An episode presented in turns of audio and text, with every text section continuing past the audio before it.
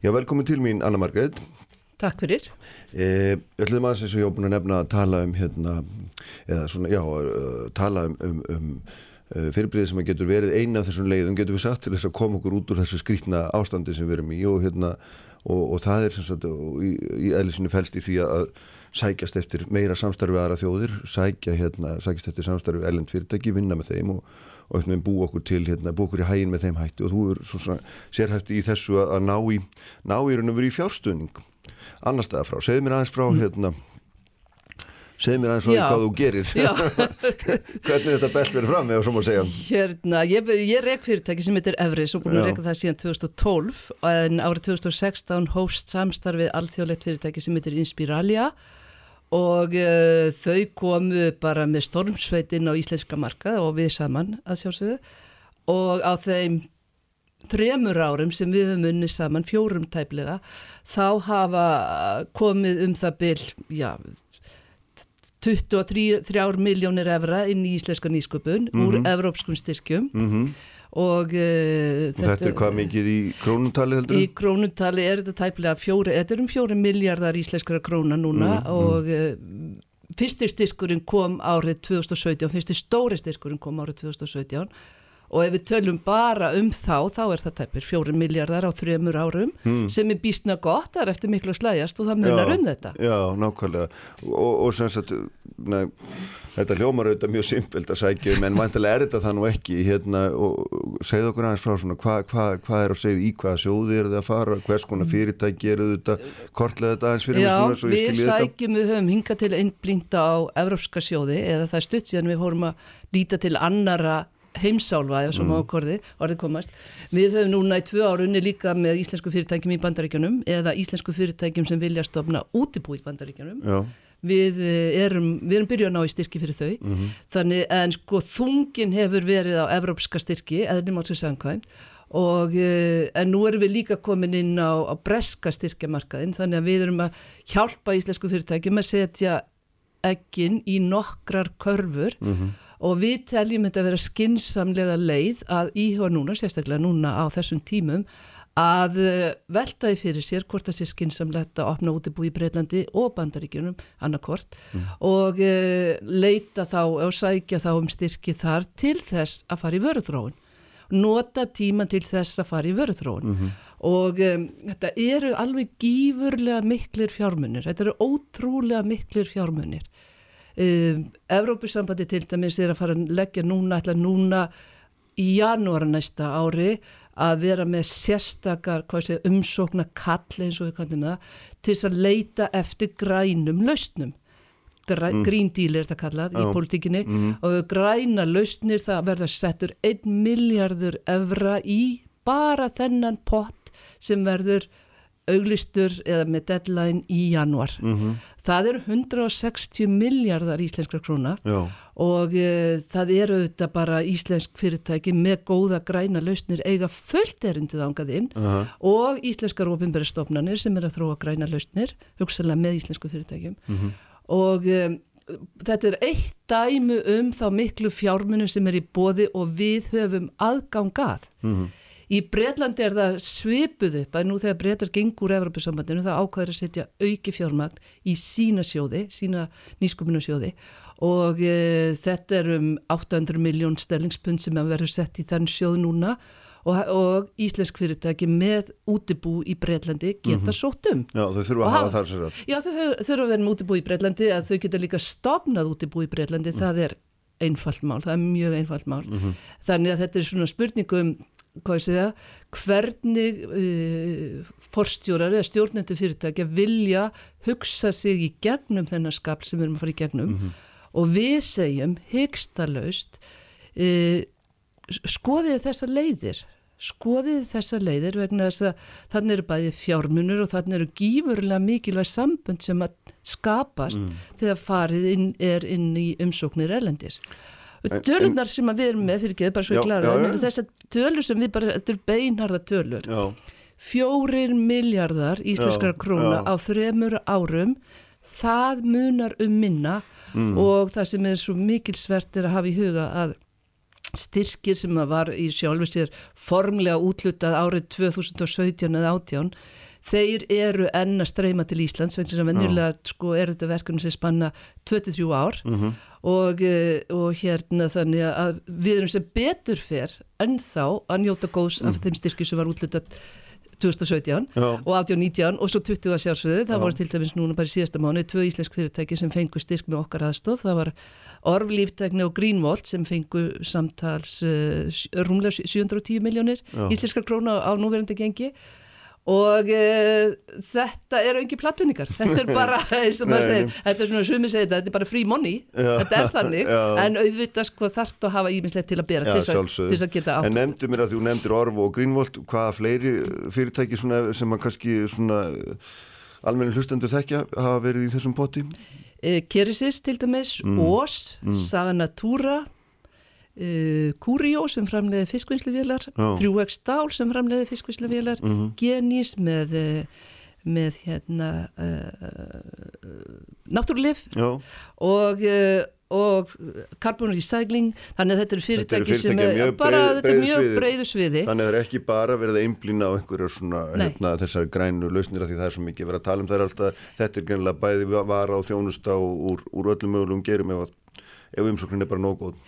Sko umsóknin eh, að skrifa umsókn er kunst og það er krefst mikillar vinnu og það er í raunin orðið þannig að þú þart sérfræði þekkingu til þess að skrifa umsókn um stóra styrki.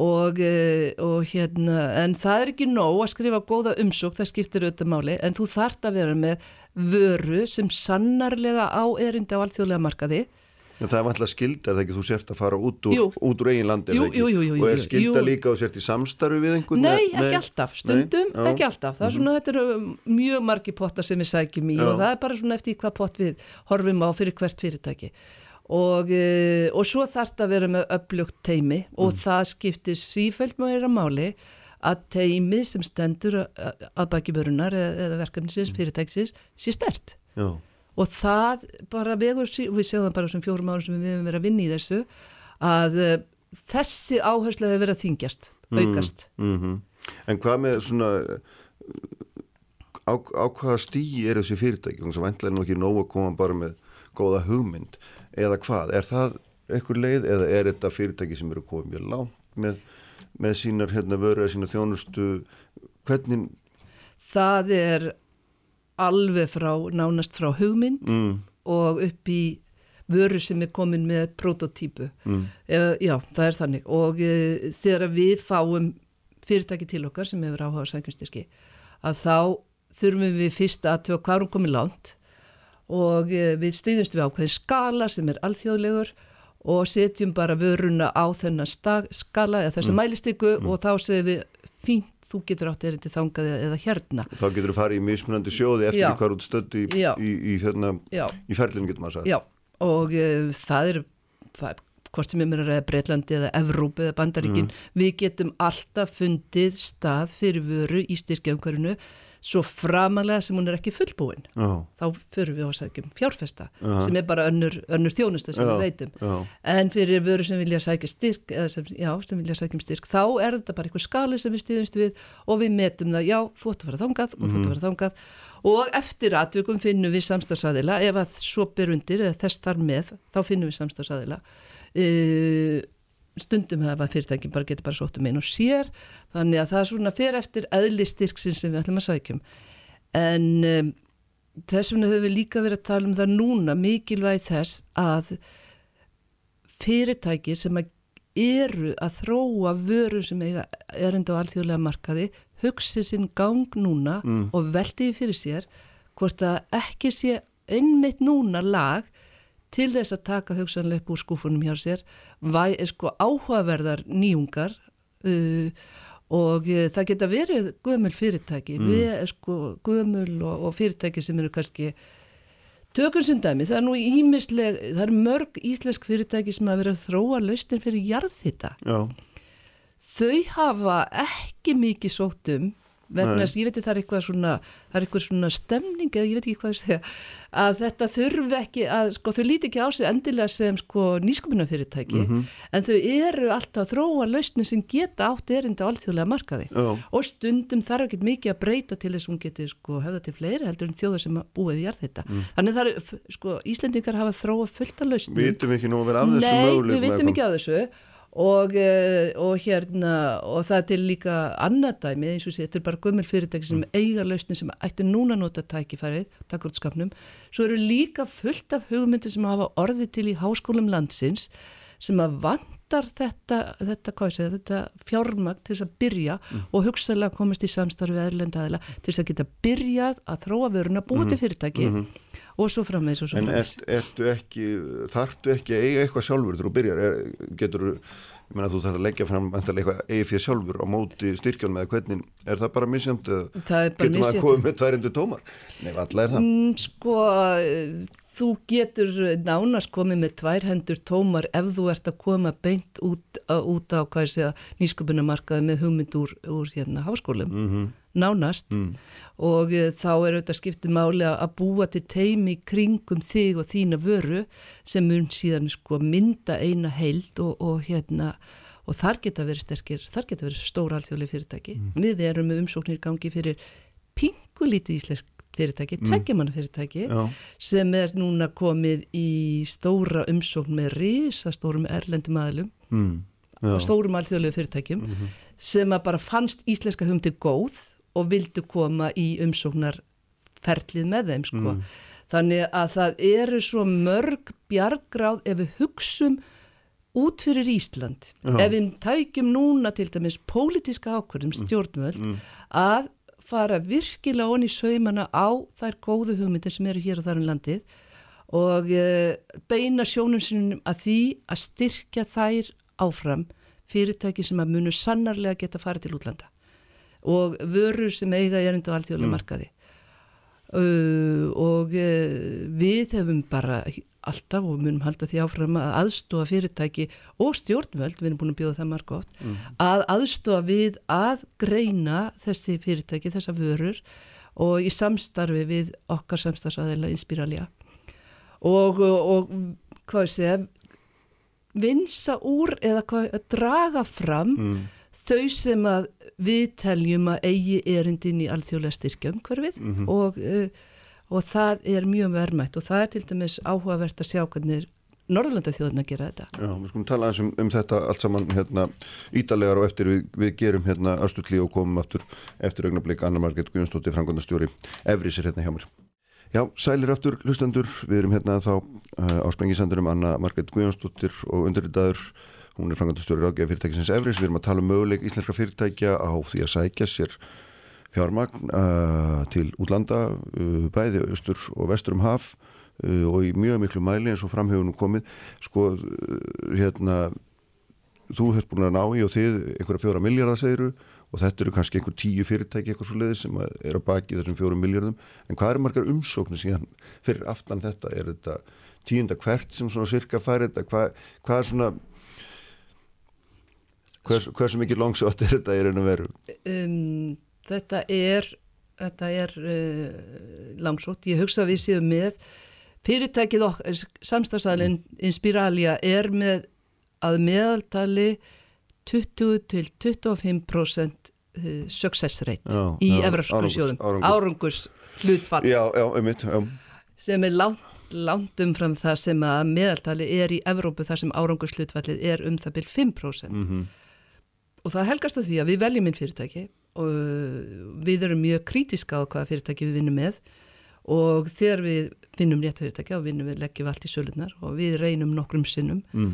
og uh, þess vegna það skýrir meðal annars hátt ánokslutfall. Já, Íslensk fyrirtæki hafa verið hærri en þetta í sumu flokkum, stundum hefur við náð uh, 30% hlutfalli fyrir Mm. eftir styrkjaflokkum aha, þannig að uh, það hefur vakið eftirtækt í Evrópu mm. það hefur vakið verulega eftirtækt í Evrópu hversu langt íslensk fyrirtæki hafa náð í þessum stóru styrkjum og það helgast að því að við eigum mörg fyrirtæki og markaförur sem eru bara eigaföld erindi Mm. og við lögðum okkur ekki fram við að sækja þessa styrki. Eh, Það hefur auðvitað, vitundin hefur vaknað núna og, og hérna sem betur fyrr og minna, þessar tölur eru náttúrulega mjög áþreifanlegar. Mm, Hvernig er það í samhengi við bara svona innlend styrkja umhverfi í, í nýsköpun? Þetta er sennilega, sko, á síðast ári minni með að tæknið þróunarsjóður hafi útlutað uh, 1,1 miljardi króna Mm. og, uh, eða 1,2 miljardum.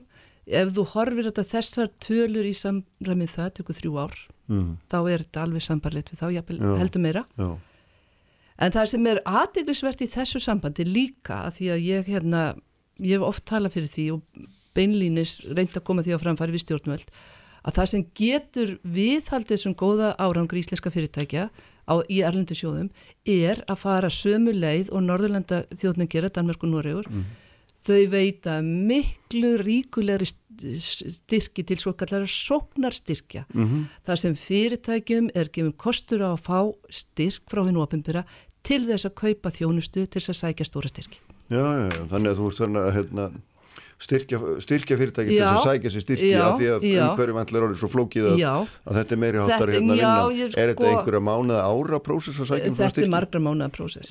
Fyrir já. okkur tekur það inspiralja það sem við erum að tala um að teimi fólks vinnu með hverju fyrirtæki. Mhm. Löffrænga, sérfrænga í orkufmálum, fólk sem þekkir vel hvað Evropasamband er að fara og svo framveist. Það voru alltaf með teimi fólk sem vinnur e, þrjá mánuði. já, Þrjá mánuði í mista. já, þannig að þú sér það að fara sko fyrir uh, einhvern framkvæmstjóra fyrirtækis á Íslandi að lítið fyrirtæki að skrifa þetta sjálft það er bara útiloka, það þarf Já. að leggja allt til hlýðar já, þannig að um, Norðurlanda þjóðunar og íslensk stjórnvöld gera það líka bara í svo miklu minna mæli.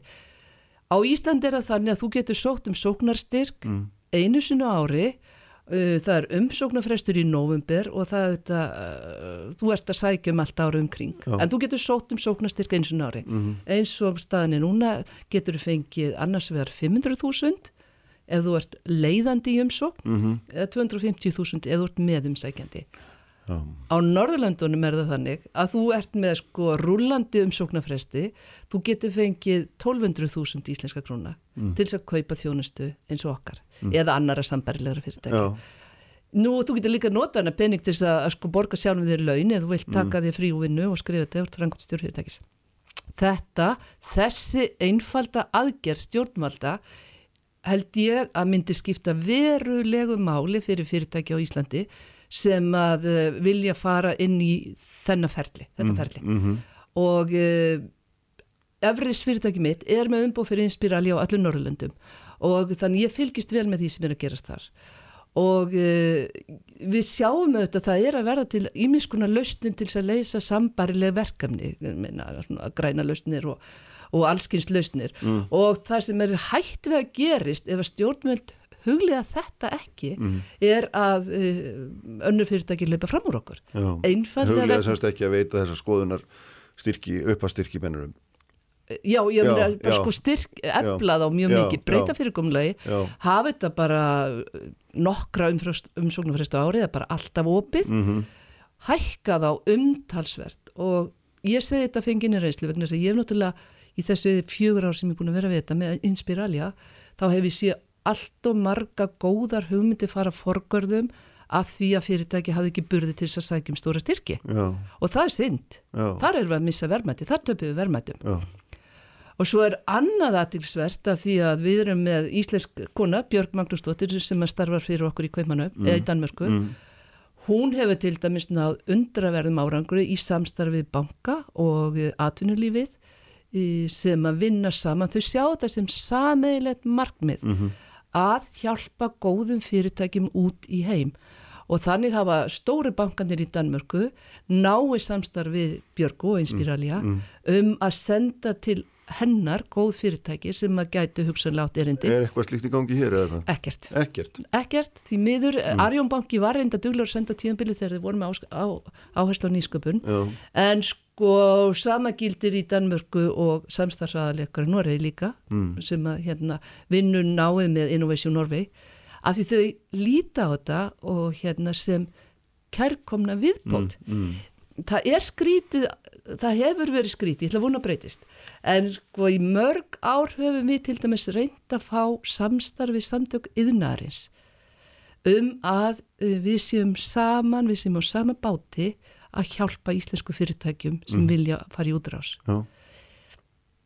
Það hefur ekki búið árangur og ég er búin að reyna sama, við erum búin að reyna sama hjá Já. við, bankana í landinu.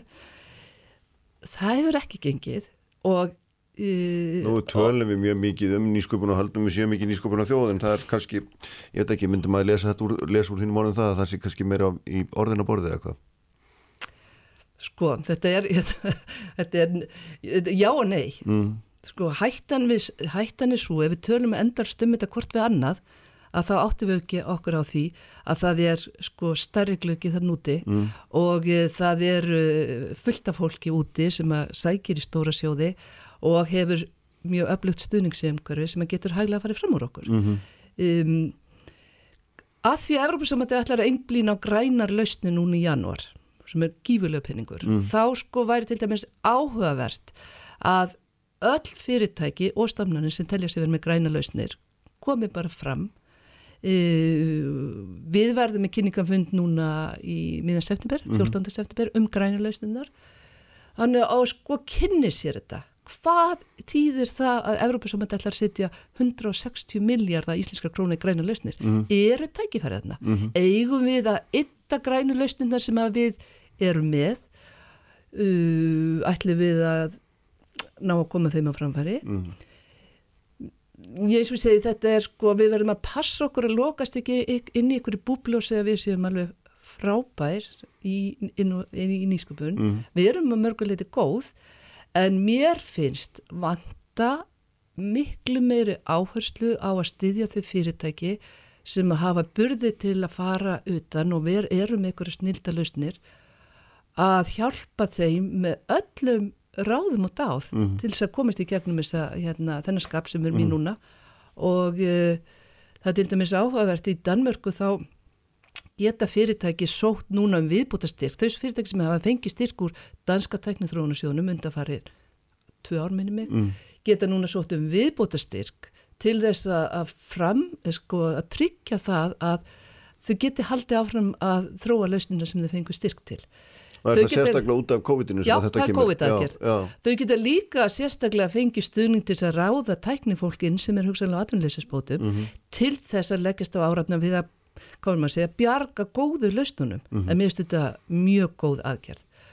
Og uh, maður sér til dæmis núna að, að já, til dæmis og eða Noregi líka, það er óbúslega þungi á að hjálpa þeim fyrirtækjum sem er með góða lausnur og, og þurfa þjóðhagslega að lifa. Og það er þjóðhagslega mikilvægt að þau lifi og þá bara leggst fólk á áratnar og, og, og hérna og það er bara flestum ráðum beitt. Já, myndur þú segja að þetta væri svona að geti, þessi, þessi hvað maður að segja, þessi vegferð hún geti verið hluti af svona því að að hérna, fjárfæsta okkur út úr út úr þessu, þessari COVID-krísu sem við erum í Mér finnst það ekki spurning, mér finnst það ekki spurning og hérna ég held að við erum að hlusta, eh, hugsa á svona strategíska nátt, hvernig getum við alls sem eitt, uh, stjórnvöld, þær stopnanir og, og samtök sem við eigum, minna samtök yðnarins, samtök atvinnulífsins, veslunar og þjónustu, uh, bankar, mm.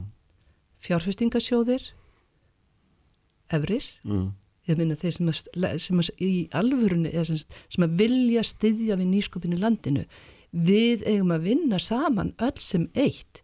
Vist, er, við höfum ekki efna á því að vera eitthvað hvert í sínu hodni og, eh, og hérna um, við getum, Efris getur orðið frábær viðbót við eh, sko að miðla upplýsingum til félagsmanna í samtök byggnaðarins. Við vitum að það er fullt af fyrirtæki þar sem að eru í nýsköpun en við þurfum hins vegar sko, við þurfum að taka höndum saman. Mm. og, eh, og hérna uh, við bara tvímanlaust mín mastersritgeir fjallaðum það hvernig við flyttum út íslenska þekkingu. Já, þannig að mér er þetta mjög hugleikið og hérna mér finnst þetta mér finnst þetta sóun að við skulum ekki gera meira að við skulum ekki standa meira saman.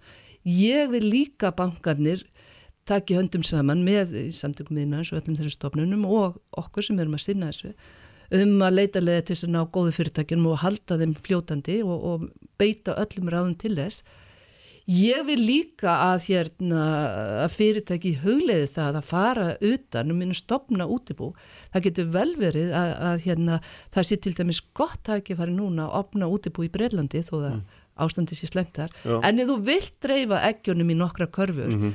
Hví ekki að stopna útibú í Breitlandi eða bandaríkjanu og byrja að þróa vörur þar, þú þarft ekki að vera á Íslandi, þú getur með þess að vera á öllum stöðum, mm -hmm. þú getur hérna farið á styrkjaflakk ef því að skipta, þú getur verið að segja styrki til Európ, Breitlands og bandaríkjanu saman tíma, þú veist þetta er spurningun um hugsunaháttin, hvernig þú að sigla þínu bóða fyrirtæki gegnum þennan skafl?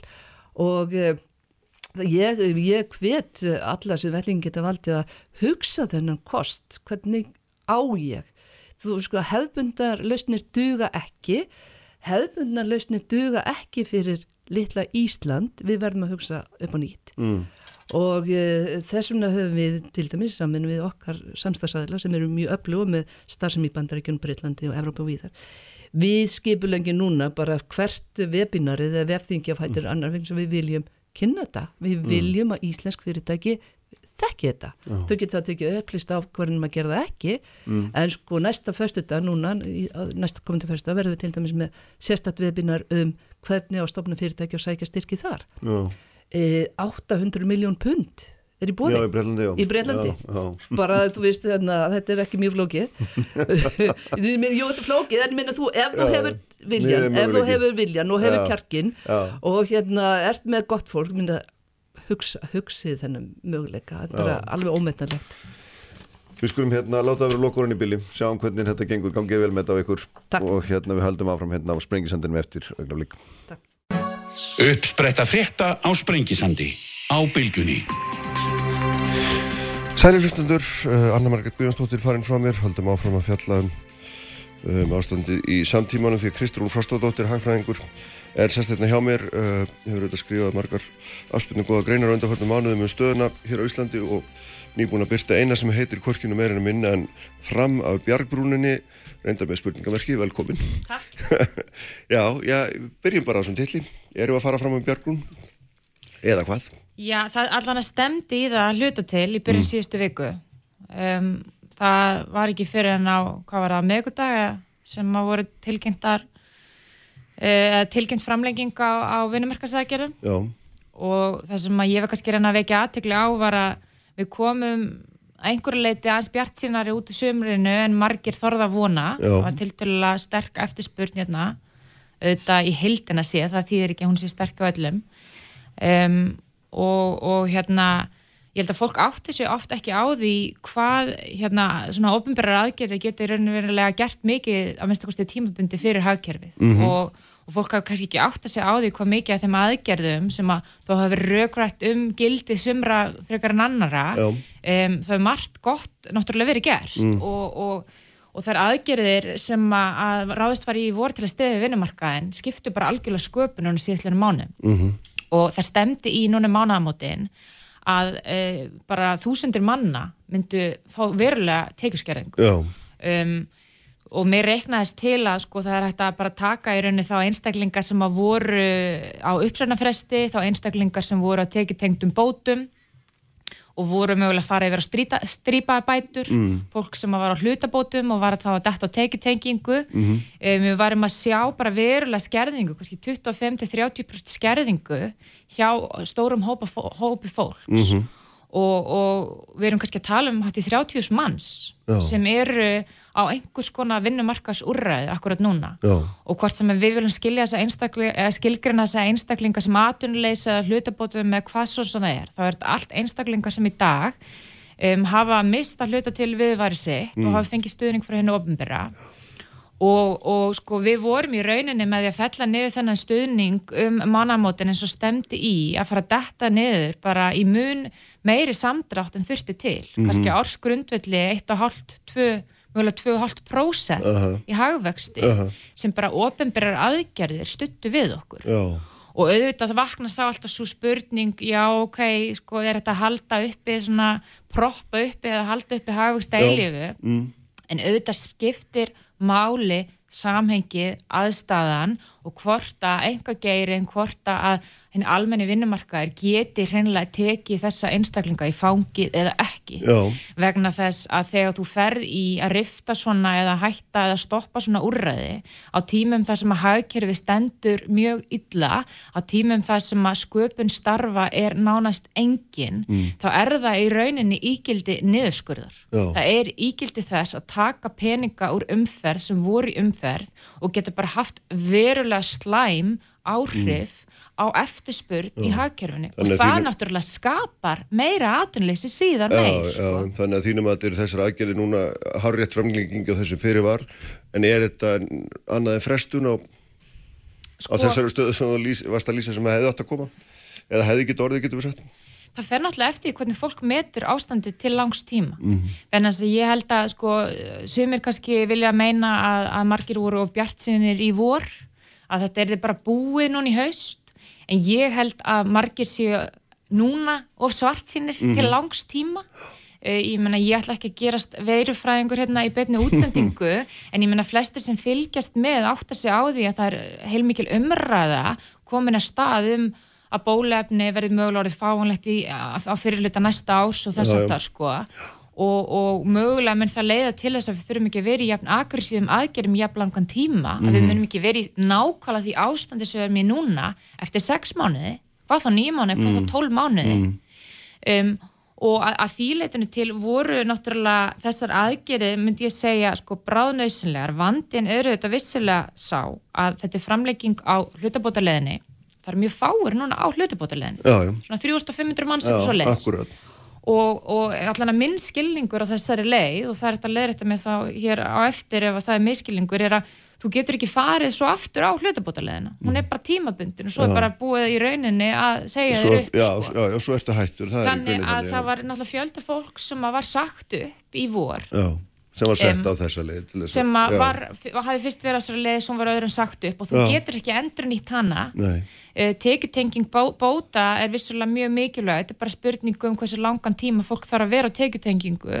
Og síðan er það náttúrulega stóra spurningin sem er kannski verið að rökra eitthvað harðast um í dag sem að er hækkun grunnbóta. Já, um, vegna þess að staðrendin er svo að 70% skerðing sem fylgir tekjutengingu eða þess að 30% skerðing 70% tekjur með já, um, það er bara mjög mikil skerðing fyrir eitthvað sem er á 400.000 krónum á mánu Já, einstaklingur nákvæmlega. sem fær 400-410.000 hann dettur bara í grunn bætir Já. á tekjutengingu og þetta er ofta einstaklingar sem að eyða öllu sem þeir fá Mm. það fyrir ekkert undir kottan, það sparast ekki neitt þannig að svona svo kvöldi margkvöldunar áhrif á því að láta svona einstakling fá pening eru gífuleg já, En viðkomni náttúrulega liggur í því að fólk hefur áhyggjur af því að þú hækkar grunn bætur og þetta er það sem enginn þorra að segja Mm. Já. að þá getur ekki lækkaðir aftur síðar Já, og fólk já. upplifir okkur við erum í tímabundnu ástandi viljum við skapa langtíma slæma kvata á vinnumarkaði mm. og sko ég hef bara eitt um það að segja það hefur verið mikil umræða um þessi vinnumarkasmálunum síðastlunum vikum sérstaklega hvað var þar hvort sem þú kallar þetta hækkun grunnbóta eða bara auka greiðsla til aturlisbótum já, sko. já. ef fólk hefur ágjör eitthvað skilgreiningu þá er alveg hægt að vera með eitthvað lög sem að bara tímabundi hækka greiðslu til fólks sem falla svo í gildi eftir sex mánu Já. það þarf ekkert að hækka grunnbætur í lögum skilur, Nei, nei. það er ef viljið fyrir verki þá er leið til að díla við það já, en sko mikið af þessum rannsóknum sem er vitna til varandi samband atvinnuleysis varandi hérna kvata til að sækja atvinnu, varandi kvata til að sækja eða skapa störf. Og, og tala um það að herri bætur eða herri græðislu frá hennu ofinbera undir hvaða formi sem er leti, atvinnuleit dræju sköpun starfa.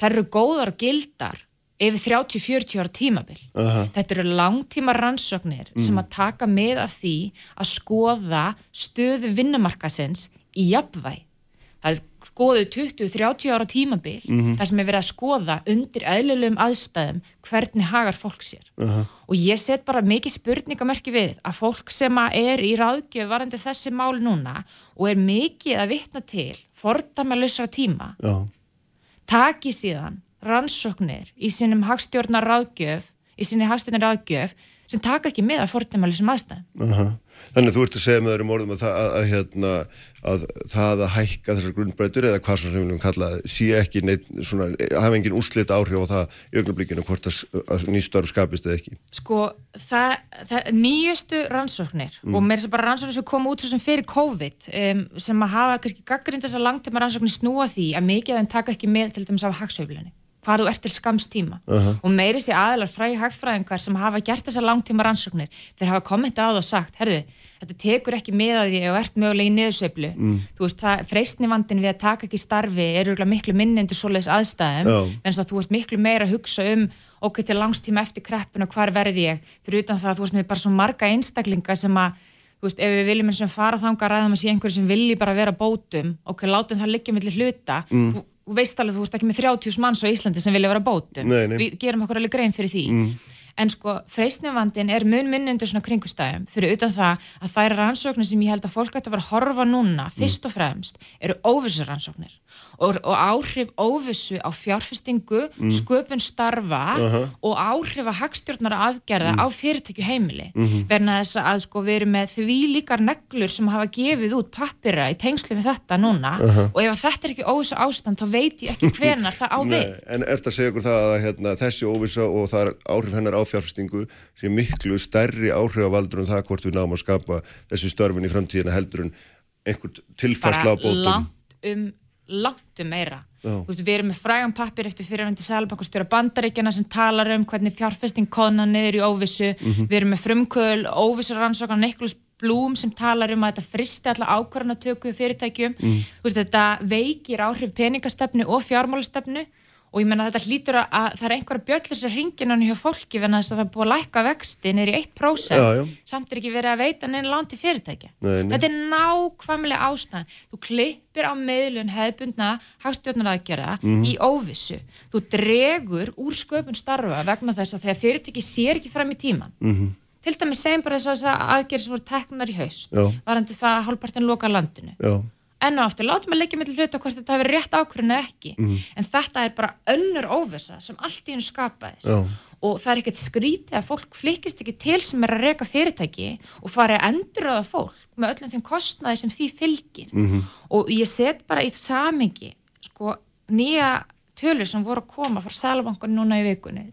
Sælabankin var að gefa út peningamál um, og í því samingi gefa reglulega út niðurstöður í könnun um hérna ráðninga áfann fyrirtækja Já. og þetta er meðal annars könnun sem samtöku atvinnlýsin standa fyrir, þau eru að spyrja mm. 400 stærstu fyrirtækin í landinu hver ráðningar áfann þeirra eru um, og það kemur fram að það er bara um 6% fyrirtækja sem hafa einhver áfor um að ráða fólk núna næstu mánu og þessi rannsókn hefur verið gerð frá 2006 og þetta hlutall hefur aldrei mælst jafn lágt.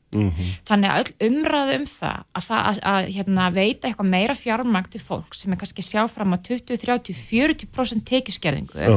fyrir utan fólk sem er að lendi persónlegum gjaldrótum út af, út af hérna, ferðarþjónustu þrótum með minni fyrirtæki þrótum, hvað svo sem það er að það leti atvinnuleit sköpun starfa á tímbunni þar sem að það hefur engin áhuga á að skapa störfa því að fólk veit ekki hvað það á að vera að gera akkurat núna. Nei, þannig að sko og ég get, ég get bara sett þetta í nýtt samingi sem er það að sko fyrir utan allar þessar rannsóknir sem ég er búin að vitna til.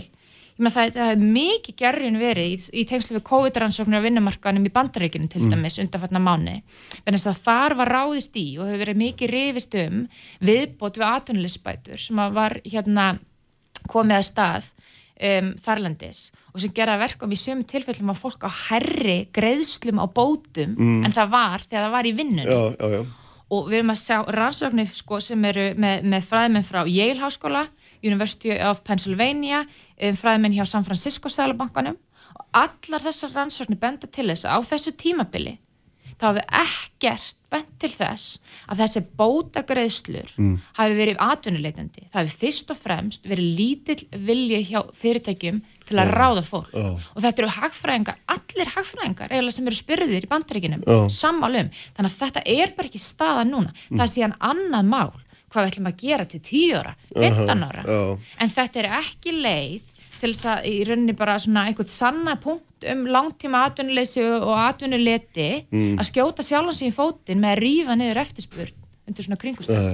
En hvað, hérna, sko, svo ég hendur aðeins hérna, í annað vegna að það, það kom fram í, í vikur núna hjá Sælabankastjóra að, að það hefði aðeins verið eitt brúalán veitt og ég held að hann hafi bara uh, fullitt það þar einmandur rétt að hérna að banka hluti þess þar að segja 30% sem ríkis ábyrgist ekki hafi verið á 25% af vöxtum sem er mjög merkilegst, merkileg tala í sjálfu sér í vaksta samhengi en hvað sögu segir þessi vaksta tala óháð því hvaða fyrirtæki er og þetta lýsir náttúrulega bara eiginlega fullkomni vantrösti á atvinnustarfseminn, ekki satt?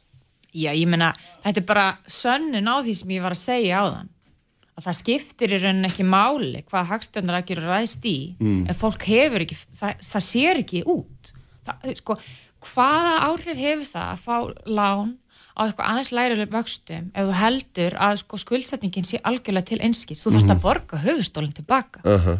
Skilur, það þarf að vera rekstra grundvöldur mm. fyrir lántöku ekkur núna, fyrir utan það að flestum, flestu fyrirtæki sem vantar pening í dag, þau vantar pening verðan þess að þau lendu í tekjutabi og það að skuldsetja sig fyrir tekjutabi það bara meikar engan veginn sens Nei. þannig að vandin með brúarlánin og lág fyrir algjörlega frá uppæði var að það var ekki lánsjármögnum sem vantaði, það vantaði eigifjö inn, mm. það vantaði styrki inn skilur, þannig að ef þú ætlar að fara í þá vekkferð þá var það alltaf það sem er tilfyrti Já Þannig sko, þetta, var, þetta var að mínum að þetta döða dæmt frá uppavita með þessi brúarlán mm -hmm. og það hefur bara algjörlega sínt sér núna að það skiptir engum mál og peningastefnan gerir ef að fólk hefur ekki áhuga á að taka lán og það sér ekki út út á óvissu. Uh -huh. Þannig að, að leikil atriði núna hjá hérna, stjórnveldum að mínum að þetta er að brjóta niður þessu óvissu.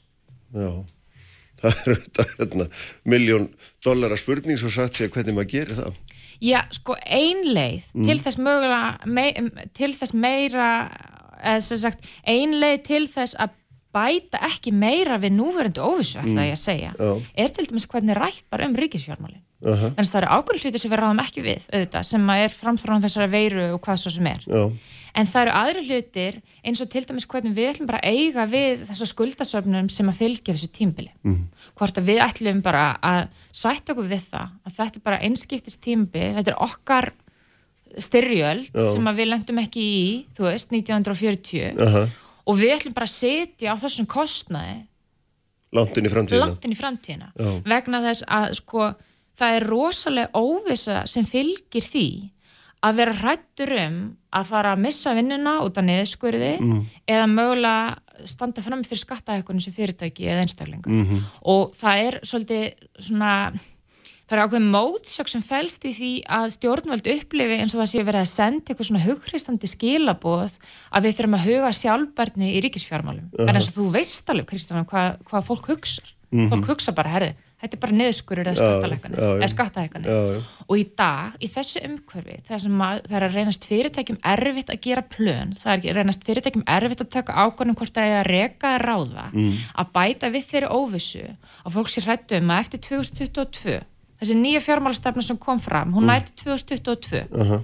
og þar sjá við tvöföldun í, í, í skulda hlutallega hjá hennu ofnbæra En hvað gerist svo? Það er um góð spurning. Það er stóra spurning, en það er enginn að taka ákvarðanir til tveggja ára, skilju.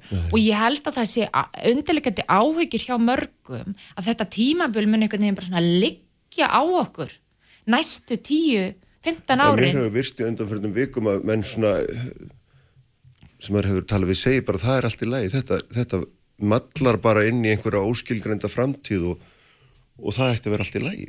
Það ætti að vera allt í lagi. Það ætti að vera. Það er auðvitað ekki eðlilegt að reyka halla, að reyka hérna, hefur ofnbjörðið með halla í mörg, mörg, mörg árundi veljum kringustæðum. Mm. En þegar þú lendir í svona áfalli, þetta er bara eins og að lenda í setni heimstyrjöldin. Ég meina, mm. það, það er frækt um til dæmis um Þískaland eftir setni heimstyrjöld.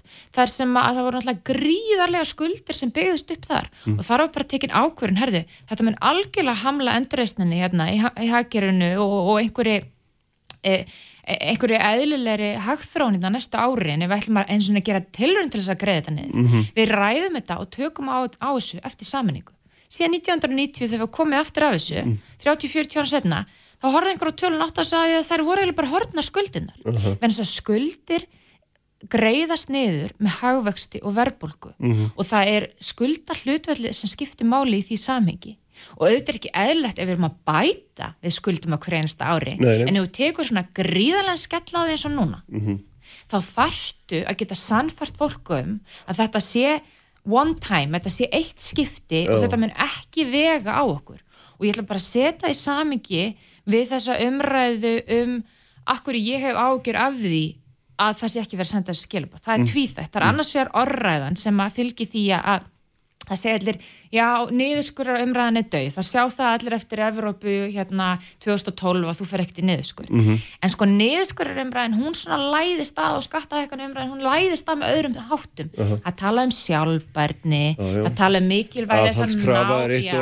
að ná endum saman og svo er náttúrulega mitt uppáhalds það er að leggja ekki álugur komandi kynsluður þetta sé svo ósangjant fyrir komandi kynsluður sko nú er ég tildulega ung Kristján. Já, já.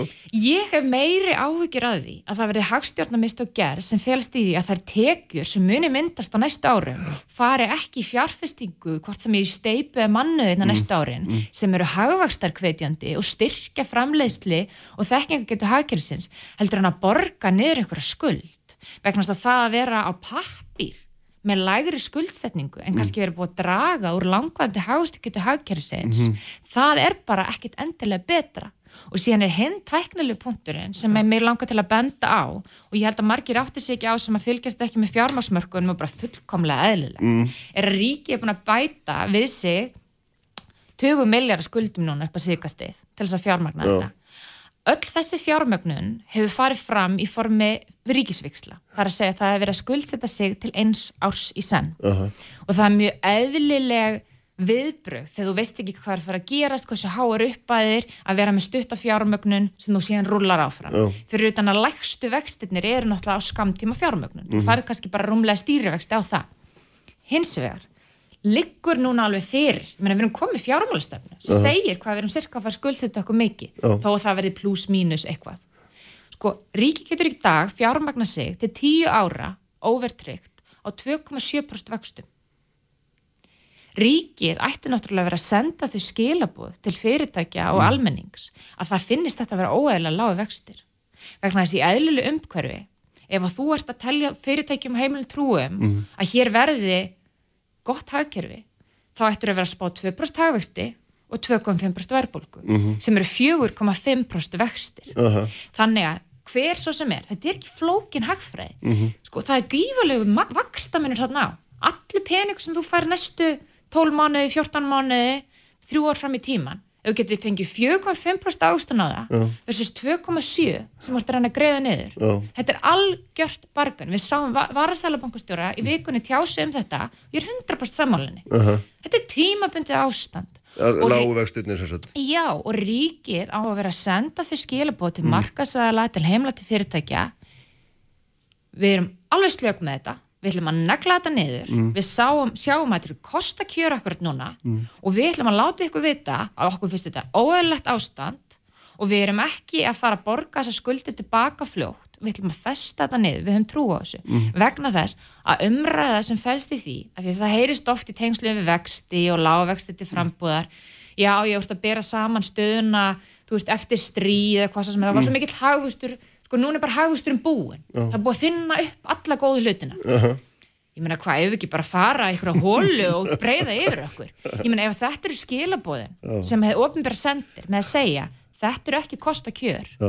þá veit ég ekki þú veist, hvað fyrirtækinu er vera að gera. Þannig að þetta eru líka svona væntingastjórnun Já. sem skiptir máli. Það er orræða og það er, eru aðvíkjörðin sem felst í að segja, herri, við erum búin að skuldbinda okkur til þess að bara hreyfi ekki við þessum skuldum næstu ára tíuna og þau þurfið ekki að hafa ágjör að því að við munum ekki nota allan auka auður sem kemur í tekjumyndu næstu árin mm. í fjárfesta í hagkjörfunu hvort sem það er í manniði eða í steipið eða hvað svo sem það er Aha. Mhm. Þetta er frábært. Förum ekki lengri bíli. Takk fyrir þetta. Þeir eru hérna hjá mér. Lógi Einarsson og Sigur Ingi Jóhansson eftir augnablik. Fréttir þjóðmál og pólitík. Sprengisandur á bylgjunni.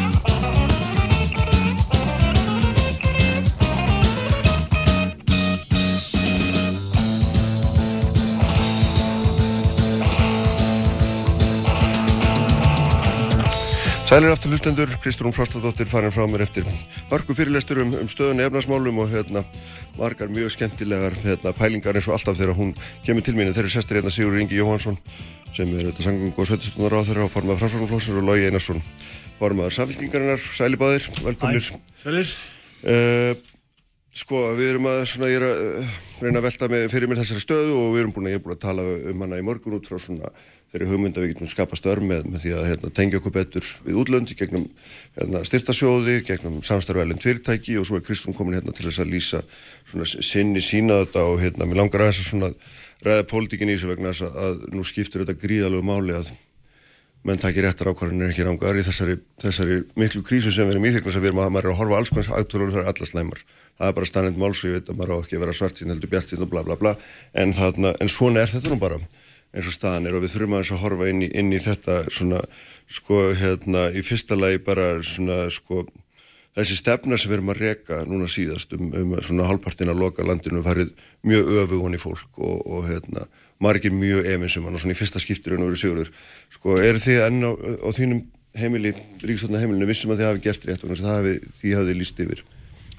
Já, við erum það og það er hérna ástæðan er einfallega svo að á þessum tíma þá hefur uh, þessi fjöndagsveira verið í gríðalög vexti mm. um allt og við náðum ekki almenlega og erum kannski fyrst núna sem betur verð með þessum hefðbunni aðgerðum okkar að ná utanum innanlandsmitið. En á sama tíma þess að þá höfum við farið upp.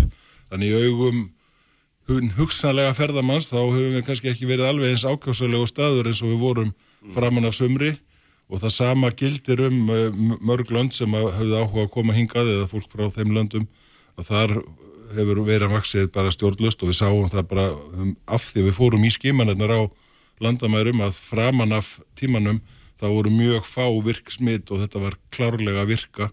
En síðan núna setni hlutan í eða frá því svona um byrjun ágúst þá hefur þessum þessi fjöldi að virkum smittum á mm. landamærun og vaksið þannig að já, þetta var óhjákvæmileg um, aðgerð en það er líka mikilvægt að muna það að við höfum alltaf sagt að það þurfi að endur meta þær þessa stöðu og ég held að við séum konu á þann stað að, að það er aðkalland að gera það einmitt til þess að mm.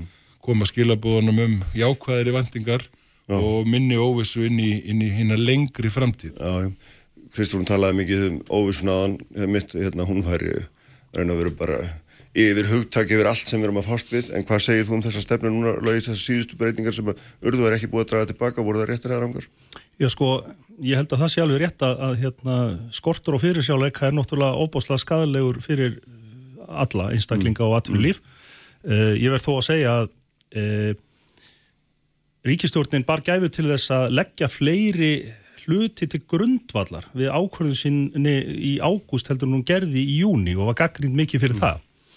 Þannig að ég ætla ekki að dæma um það hvort að þetta hafi ránt og uh, ég held að það þurfum við að horfa á fleiri uh, breytur heldur en bara ferða þjónustuna. Við erum auðvitað að fara að opna skóla og uh, lítið og kannski ekkert skólastar getur auðvitað haft náttúrulega langtíma áhrif já, já.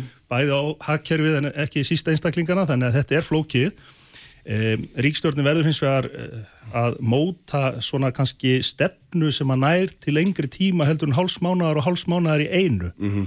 og horfa á í rauninni uh, hvort við getum bæltana niður, uh, hvort við getum lifaða einhverju leiti við hana og gefið samfélaginu svona einhvers konar eh, ádrátt um það eh, hvernig er hægt í rauninni að sitja á sig hanskana og fara að vinna mm -hmm. en auðvitað náttúrulega sko saknaði þess að við þessar aðgerðir í sömar þá náttúrulega blasti við að uppsagnarleiðin var í rauninni sem hugmynd ónýta því að mm. hún gerði ráð fyrir viðspyrnunni í byrju september og og það líkur líka fyrir að miklu fleiri fara á atvinninsbætur og missa lífsviðuðari sitt.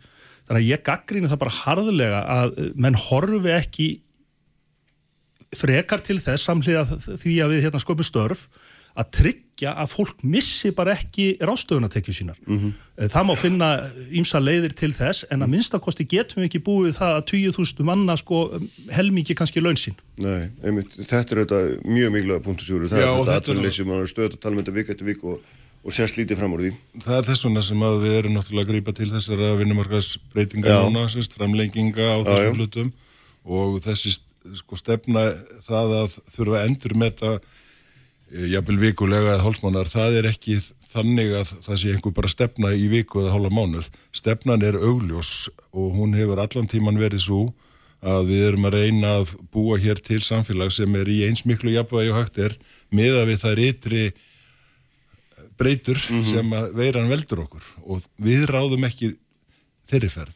Þannig að þess vegna þurfum við að vera tilbúin að aðlega okkur að því á hverjum tíma. En, Núna er mjög mikilvægt að gera það sem við erum að leggja til og erum, núna, erum að nota þennan þingstöp til þess og var samkómulag mill okkar allra á þingjunni í vor að, að uh, komi til þess að það þurfi að koma inn einhverjar COVID aðgerðir mm. að þá væri það einmitt teknur á þessum stöppi og það er nákvæmlega það sem við erum að, að gera og, og hérna ég held að það sé mjög gott en stóra myndin er auðvitað þessi að við þurfum að fara í miklu meiri fjárfestingar. Ríkið er að ganga undan, sveitarfjörlögin eru að reyna að gera af sínum mætti það líka, en það sem skortir og kom nú ákveðlega fram hjá Kristrúnu, það er að, að hérna, fyrirtækin eru ekki að taka lán eða ekki að fá lán hjá böngunum til þess að fara í, í hérna, fjárfestingar. Já, punkturinn var alveg að sjá, það sjá ekki neitt, þau sjá enga ástöðu til þess vegna að óvissan er svo mikil, sko. Já, og það er það sem við þurfum að vinna með og kannski þurfum við þá bara að spýta enn meira í hjá hínu ofinbera og það er það sem að við erum að vinna að núna í, í sambandi við fjárlega vegna næsta ás og, og fjármála áætlununa og kannski verður það nóg til þess að, að menn sjáu svona aðeins lengra fram í tíman. Já. En sko, Já. fyrst varðandi í rauninni þessi vinnumarkasúræði, ég fagna því auðvitað þegar lengja tekjutengta bætur. Uh, en, en það er miklu frekar uh, óvissan sem er óþörf. Í fyrsta lagi náttúrulega sko, þurftu fyrirtæki að býða fram á síðasta dag ágústmánar til að vita hvort að hlutabótaleiðin kæmi fram og hún er þá bara til tveggja mánuða. Áttu fyrirtækin að segja fólki upp, áttu að halda ráðningasambandi. Í öðru lagi sko má benda á það að nú þegar eru um 12.000 mann sem eru komnir á strípaðar grunn atvinnulisbætur. Það er 240.000 krónur til skatt og það lifir enginn að því. Þetta fólk er að borga af lánum, leigu, senda börn sín í skóla og annars líkt og það verður að taka þessu. Varðandi Hvernig er fjárfestingar að gera það lögin? Já, það er náttúrulega bara að hækka grunn atvinnulisbætunar Mhm. og ég hjóðu þetta eftir því sem að Kristrún sagði og ef að það er leið þá má skoða það að búa til sérstætt ur, úrræði þannig Mhm. að það séu tímabundin úrræði til eins árs sem að hérna ná utanum það e, varandi fjárfestingarnar er ég alveg sammála sigurði en þar þurfum við að gæta að okkar. Við þurfum að ráðast í framkvæmdir sem eru arbara til lengri tíma sem að steyðja undir grænan hagvöxt sem að býr ferðaþjónustur undir nýjan veruleika þar sem við fáum færri túrista en sköpum meiri gæði. Við getum ekki bóði fólki lengur upp á það að vera svo óviðbúin að eina sem við gerum það er að drita niður drapplitum hardplastkömrum með fram þjóðveginum við eigum bara að skoða hvað norðmenn hafi verið að gera með fram vestuströndinu þar þar sem allt er byggt á gæðum samfellu, varanleika eh, pínu eins og engamarkaðurinn hefur gert vegna þess að þau 10-20 verkefni sem standa upp úr hér í ferðarþjónustu síðustu ári koma þaðan vög, sjóböðin eh, bláa lónið, hótel og veitingahús út um allt land.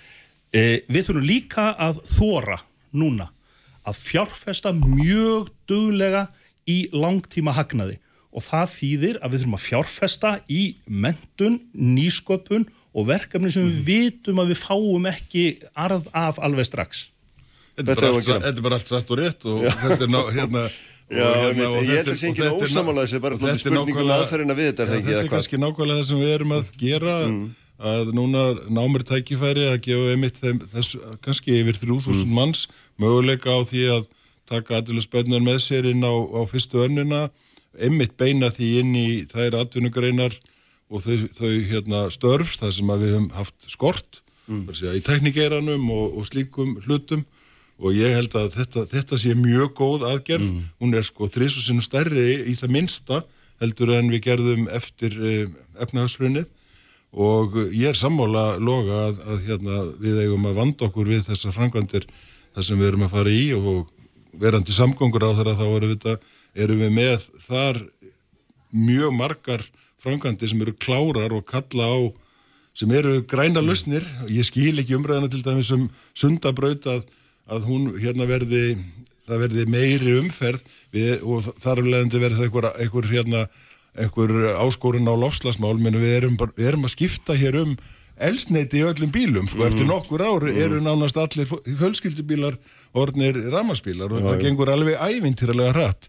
En bara sundabrautin kallar á 2000 ný störf Já. á næstu árum. Og það, þetta er framkvæmt sem að við erum búin að býða eftir í 20-30 ár. Þetta er ný flóttaleiði hérna í gegnum, gegnum uh, eða út úr borginni komi hér eitthvað upp sem að við eigum ekki bara læra það af þessari veiru að það getur það ímislegt allt gerst já, Jú, jú, já, Já, við þurfum að vera undirbúin undir hvað sem er. Tökum til dæmis sundabrautina en aðeins fyrst uh, sko, vinna í tækifæri fallegt slagord, námer tækifæri var námi reyndar- tækifæri. já, já. við notuðum námi vinnandi vegur og lögðum til í vor að það er í ráðast eitt úræðið þá. Já. uh, og enn og aftur kemur að þessu ákvörðunum sem teknar á síðustu stundu. Námi væntalega ekki tækifæri fyrir fólk sem að uh, ætlar að fara í skóla eftir að það er búið að loka fyrir skráningar. Nei, nei. þannig að menn eru of lengi að koma sér á hlutónum varðandi sundabrautina eh, sko, þá auðvitað liggur fyrir samkomulega milli höfuborgar sveitafélaga og ríkisins sem ég fagna og get hrósa sigur fyrir það. Þar liggur auðvitað fyrir skýr forgangsröðum verkefna. Það er mjög brínt að ráðast í borgarlínuna. Það er arðsæm framkvæmt og hún er líka græn það útilokkar ekki sundabrautina. Nú þurfa menn að leggjast yfir það með hvaða hætti er hægt að gera það. Eh, ég er búin að vinna svo lengi í mannvirkjabaransanum að ég veit það að skipula og teikningar taka það langa tíma að þú hristir þetta ekki fram úr erminni á hálfu mánuði. Mm Borgin hefur lagt áherslu á göng, eh, Sigur hefur talað fyrir annari leið og nú þurfa bara þessir ágætu herramenn og dömur sem stjórna sveitafélagunum hérna að sitja snuðu með ráþeira og finna leiðir til þess að, að, hérna, að koma þessu verkefni sem sagt í farveg.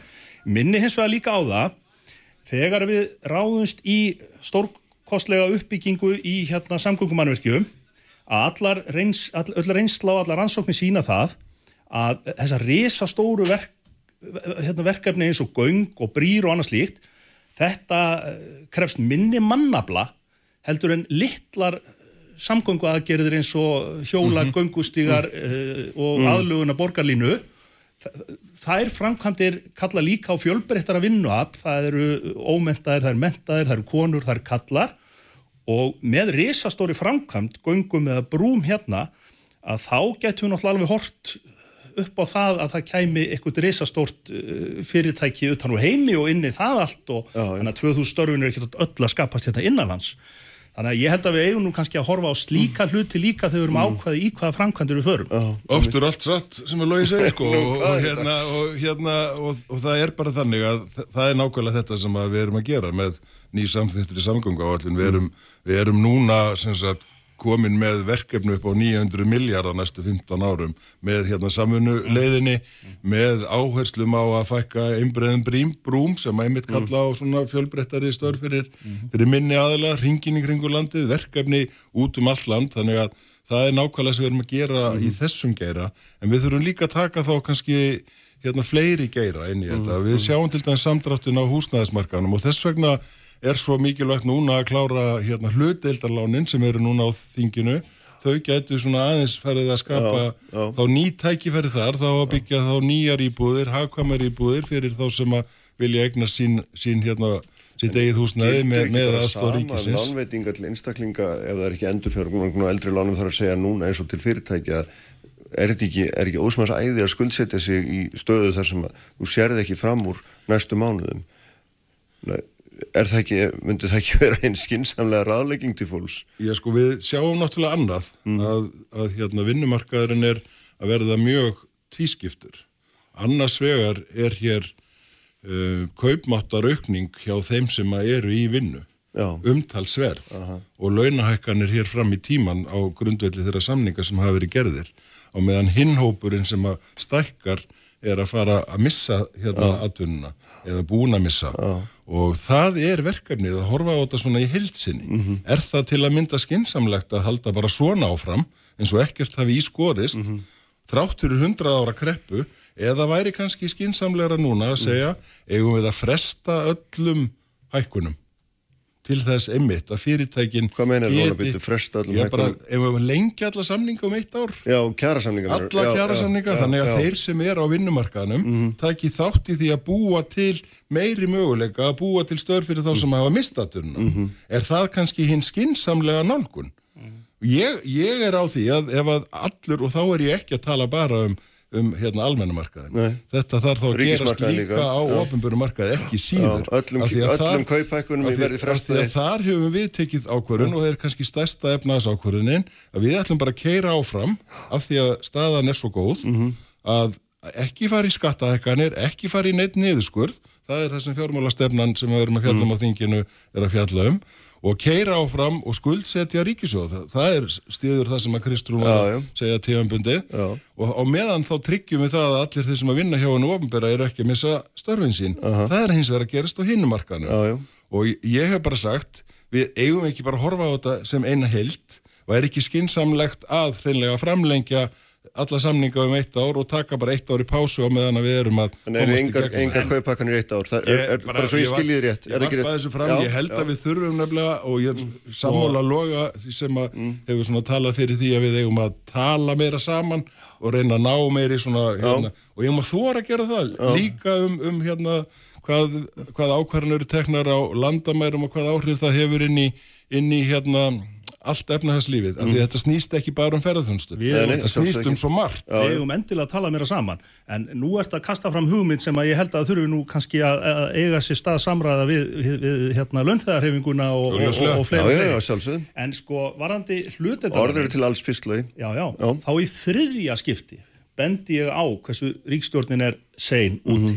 Nú eru hluteldalánin klætt í einhvern COVID-búning eins og það sé einhvern ný sannindi að, að fólk þurfa að eiga þakka yfir höfuðu. Árið 2018 um haustið þá lagði ég á samt samfélkingunni fram stóra þingsálutunartillögu um aðgerir í húsnæðismálum. Meðal annars breytum við upp á startlánum. Ráð þeirra málaflokksins, hann sá sér ekki ástæðis að taka þátt í umræðunum. Uh, hann var ekki viðstættur þegar við mælt fyrir þessu. Uh, þetta dagaði upp í nefndum uh, svo núna tveimur ára setna þá dúkkar þetta upp sem einhver neyðar aðgerð ásmundur einar hefði bara átt að vera búinn að ráðast í þetta löngu áður en að fyrstu veiru skrattin létt græla á sér hérna á Íslandi. En er þetta ekki aðeins ósangjant? Minna, það er búið að vera að skoða þessar leiðir núna ítrekað og mjög grúndikt með, meðal annars að skoða góðar fyrirmyndir sem hafa verið hjá finn, finnum, normönum, skot, eða skotum og bretum og við erum að taka það besta til þess að reyna að púsla inn í, inn í þennan pakka. Við áttum þetta samtal við aðalega hérna, vinnumarkaðir eins við gerði lífskjara samlingana og það var svona hluti af því að þeir náðust að menn voru tilbúinir að horfa einmitt á húsnæðismarkaðin sérstaklega. Já. En maður mann margar eftir af að þessum þetta hétt sko norska leiðin, svo hitta skoska leiðin, svo hitta breska leiðin og svo hitta finska leiðin, sko, hann hefði kannski átt að skoða einn samfélkingaleiðin. Já, hún er náttúrulega norsk, startlánin er norsk, svo, svo, við, svo við séum nú Já, hérna, hérna, eh, sko, þú sagðir á þann, það er, það er verið að auka skuldsetningur í sjóðs og það er ekki farið að fara í niður. Samt er fjármálar á það nýbúin að segja að nú eru sett 2% aðhaldskrafa á hérna mjög stóran hluta ríkisræstusins. það er sama krafan og við höfum verið með. Já, en ég meina, er er, það, er einhver, er er hérna, er þá einhver skinnsem í því? Ég meina, átti ekki að fara á alla starfsemi, alla framkvæmdur, allt saman, fyrir utan heilbreyðis og, og, hérna, mentamál, og, og, og hérna domstóla.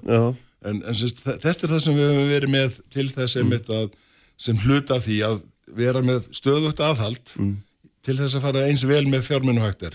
Á sama tíma eru þetta alltaf einhver, einhver hérna, vísutöluhækkun, þannig að þú hefur uh, sömu þannig fjármennu að þetta er ekki ígildi einhvers konar samdráttar Alls af ekki. ríkisins Þetta er eða... bara eðlilegt, eðlileg hérna svona vinnur ástöðun til þess að Mhm. fara á hverju einasta ári vel yfir það hvort að þú sért að nota skattpenninga almennis og skynsalega nátt. Mhm. Auðvitað er þetta fullkomlega óeðlilegt og verður auðvitað bara uh, niðurskurður. Við sjáum það allans bara hjá sveitafélagunum í nýri greiningu sko að tekjufall þeirra er 26 miljardar króna vegna COVID.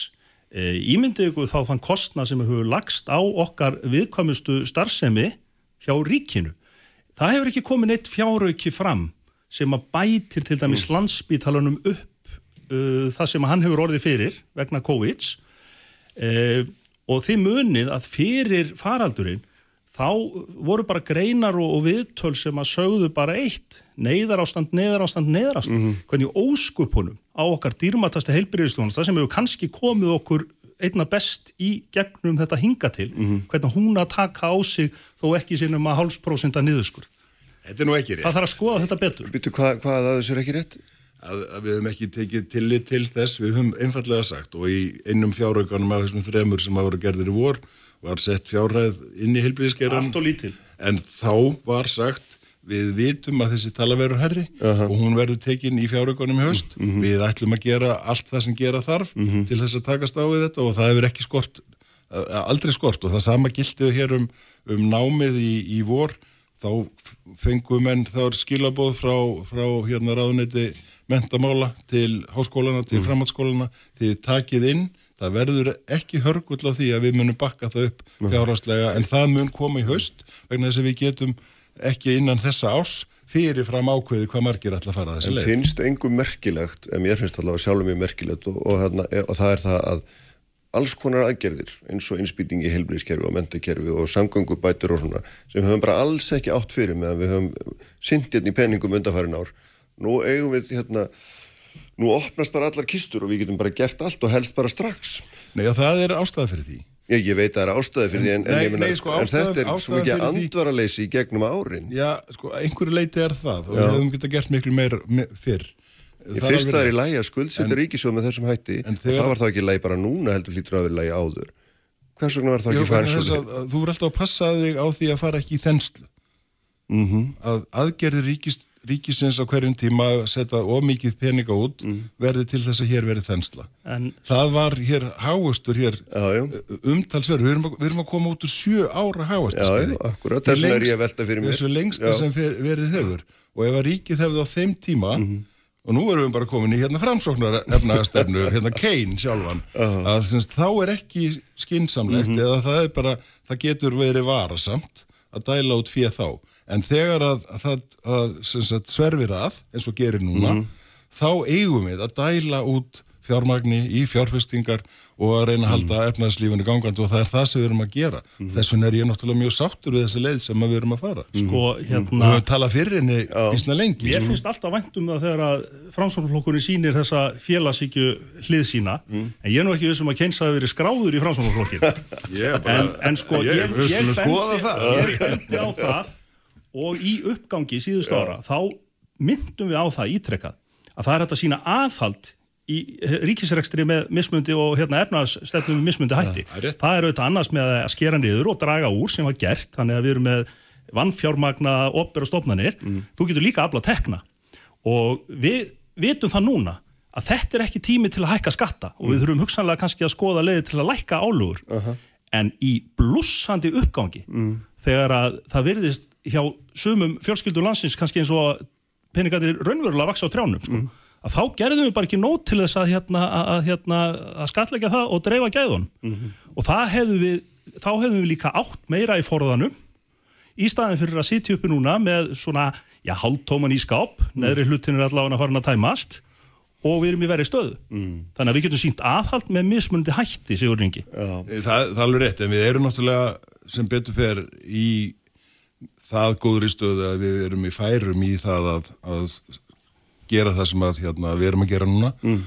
skuldsetja ríkisjóð, hækka skuldahlutfallið og fyrsta verkefnið í, svona, í þessum fjármálulega geira verður að segja hvenar ætlum að stöðva hlutfallið. Ég er bara sammála því sem að Kristrún var að fjalla hérna um aðan. Það skiptir kannski ekki öllu máli hver fjárhæðin er uh, og við höfum séð það í, í löndum. Við verðum ekkit mjög illa stödd með skulda hlutfall en við þurfum hins vegar að, að inn í einhver næstu ár að átt okkur á því hvenar við ætlum að stöðva vöxtin í skuldunum. Og En um síðan- leið að sannfæra fólk eftir því sem ég skildan um það að, að, hérna, að þetta verði ekki bagja okkur síðar heldur verður þetta greitt bara á hagvesti og verðbólgu en inn í framtíðina. Þá þurfum við að búa til þennan Já, já, og já, það er það sem að við erum að reyna að gera og ég er mjög en- að sko- heyra að, hérna, að að lögi og samfélgingin eru sammála því að við erum ekki að fara í skattahækkanir núna vegna þess að við þurfum einfallega að örfa hagkerfið eins mögulegt og hægt er. Tilfelli, tilfelli er þessi mantra sjálfstæðisflokksins að samfengingi vilja alltaf hækka skatta, hún er raung, við viljum gera það á réttum tíma,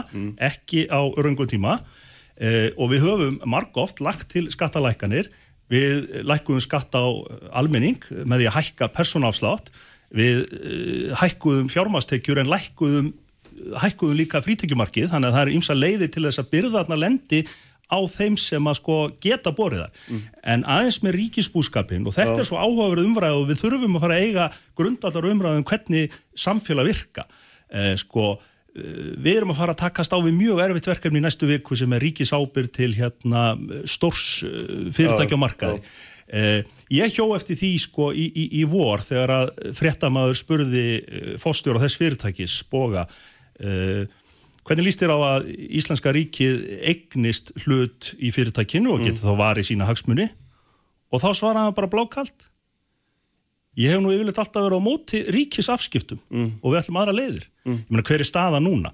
Í gegnum hlutabótaleið, í gegnum uppsagnarleið með sérstökum samningi og nú hugsanlega ríkisábyrð þá eru þetta búið að vera að veita sem sagt, hérna, miklum peningum til enga fyrirtækja og nú verða bara allir kapitalista landsins að fara átt að sjá því að óheft frjálsíkja í góðari, hún leiði til misskiptingar, ójöfnuðar og grækisvæðingar en við þessar aðstæður þá ráðaðu ekki við ástandið. Þannig að það þarf að vera þessi hæfilega blanda á enga og ríkisrekstri og við eigum að stjórna eftir hvernig sveiflunar eru. Já, Þar, en- þar eru við logið sammála. Þar eru alls sammála. Það, þarf að vera einhver hæfileg blanda þar, en það er ekki alltaf sama hvað leiðir farin. Nei, Ég held að það sé verða til ríkistjórnum. Ég held, að já, þessi leið sem að við erum að fara núna sé hins vegar skinsamleg Já. og það var margir verið að blanda þessum hérna, eignarhaldi ríkisins á flugfélögum minn staðrindin er þetta svo að ef við horfum á, á hérna, bara til Norex eða til Norðurlandana þá var SAS stóruleiti í eigu danska og sænska ríkisins Mhm. Finner er, var í 51% eigu finska ríkisins Norvítsan aftur á móti var bara á engamarkað eins og núna. og, það, er, það er engin að fara inn með ofinbært fyrir sem hlutafið þar í Norvíðjan. ekki, þeir eru bara með lánalínur þar Já, en þeir eru, konum með fyrirtæki undir sitt. Heyrðu, ég held að láta svo lokið. Ég ætla að taka eitt efni viðbútt. Bara kæra þakkir. Þakka ykkur fyrir að koma á báðum tveim. Þetta var hérna fjörð og skemmtilegt og hérna gangi ykkur vel með að leysa úr þessum leysa úr þessum málum öllum. Takk, sem, mér. takk samanlega en bara Jú. samtal er til alls fyrst Já, algjörlega. Og bara til þess að auðvitað náttúrulega undistrykka sem að sest náttúrulega ekki gerum útfastæki sko að, að við erum í eins buks. Já, ég, ég sé það er samræmdur klæðabrúður. Takk fyrir að nefna það að leið hennar út úr krefni. Sprengisandur, alla sunnudaga á bylgjunni. Sprengisandur. Alla sunnudaga á bylgjunni. Særi hlustendur, þeir eru farnir frá mér eftir fjörugar umröður Lógi Einarsson og Sigur Ringi Jóhansson og reyndur ótrúlega sammála og þarna kannski við séum að sjá hérna, aðdraðanda nýra ríkistjórnum milli þeirra tveikja, hver veit. Já, já, heyrðu, ég ætla hérna aðeins að mín í krossin, þó ekki endilega því að ég daldi í anda hérna, þess sem ég talaði um fyrst í morgun og, og reyndi að tala um fyrir viku líka er að hérna, finna leiðir út úr þessari kreppu og, og nýta það sem við þekkjum og kunnum og, hérna, og bæta þar í staðin fyrir að tala alltaf um eitthvað sem er hérna, eitthvað staðar langt inn í framtíðinni. Og eitt af því er náttúrulega hérna, er það að laða til landsins erlendar erlend kvikmyndaverkefni. Og þeir ætla að ræða þetta hérna við mig Leifur Daffinsson sem er framkvæmdastjóri Trú North og Þór Ómar Jónsson sem er kvikmyndalegstjóri, kvikmyndagerðamaður, velkomni báðir. Já, þakka fyrir. sko það er þarna ljóst að, að við höfum tekið hér upp margar bíómyndur og sjónvarsættu undir þessum árum og kemur hér koma þúsundir manna og þarna færa með sér mikið fjö inn í, inn í landi og þeir eru þeirra skoðanar við getum gert. Er það ekki miklu betur á þessu sviði? Jú, það sem, sko, við Leifur, þú byrjar svo ef fólk, fólk sér þið ekki, já. Já, hérna þakka þér, hérna, jú, eins og staðan er núna, þá, þá hérna þessum stæðsti innárun okkar ferðarþjónustan og undir höggasækja, mm. að þá teljum við að við getum bætt aðeins í og hjálpa þeim inna vegna þess að, sko, eitt þriðja veldu kvikmyndagerans, hún fer beint í ferðarþjónustuna -hmm. og uh, við sjáum núna tækjafæri á að bæta í bæði út af COVID ástandun á Íslandi sem er hérna hefur verið mjög jákvætt á heimsvísu sem sagt hvernig þeim hérna barist við það og, og nú eru tækifæri í að hækka endurgreisluna til þess að sé grundvöldið til þess að byggja hér stúdjó og bæta í það sem Baltasar hefur verið að gera hérna mm. Guðunissi bæta í bæði hjá honum og kannski meira til þess að fá þennan yðnað á, á heils árs vettvangi þannig að þessi yðnar sem er stöður en ekki háður uh, verkefni sem koma hérna í mýflugumynd skjóta einni viku að því að vantar snjó upp á jökli Aha. heldur koma og skjóta heilu verkefni hér þar, þar er endi skapað töluvert meira gjaldiristekjum inn í landið og störf. Þetta er þannig núna að hérna, við erum aðalega að selja landið, náttúruna náttúrulega sem bakgrunn fyrir myndriksat og hérna vantarlega svona komin þegar verið er skikkanleira, ég gerir ráð fyrir þessi svona almenna reglan og hérna það sem þér að tala þá núna er að vera ekki bara með úti tökur heldur líka að vera með innitökur, vantarlega eftirvinnslu og allt dótið hér, Já. eða hvað? Já, það er, sko, það er raunin sko, að því að það sem ég hef fundið fyrir nú að síðustu mánu eftir að COVID byrjaði að framleiðendur stórir út í heimi hafa verið að leita til mín og, og trúnort með það að finna leiðir af því að koma hérna með þessar stúdiotöku sínar og færa þær í heildamind sinni yfir til Íslands. Það er eftirspurn eftir því þetta. Já, töluverð. Já. Nefna það, við erum með aðstöðleysi að því að við erum ennþá byrjunaritt þarna hvað þetta varðar. Við erum með 3000 fermetra sem Baltasar, sem búið að gera mjög flott verk, hefur verið að byggja upp, en til þess að geta tekið á móti þessu stóru verkefnum, þá þurfum við alltaf sko 6-10.000 fermetra plás til þess að vinna þetta. Og þá erum við að tala um, ef heil seria, TV-seria kemur, þá erum við kannski að tala um að hún komi með 50-100 miljónir dollara inn í landið. Þú voru umreiknað það í íslenska krónur. Já, það...